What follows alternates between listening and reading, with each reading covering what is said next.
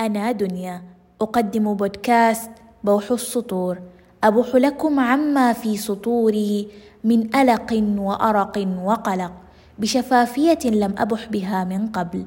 إن كنتم تتساءلون لماذا دنيا فقد كتبت شيئا في هذا الخصوص.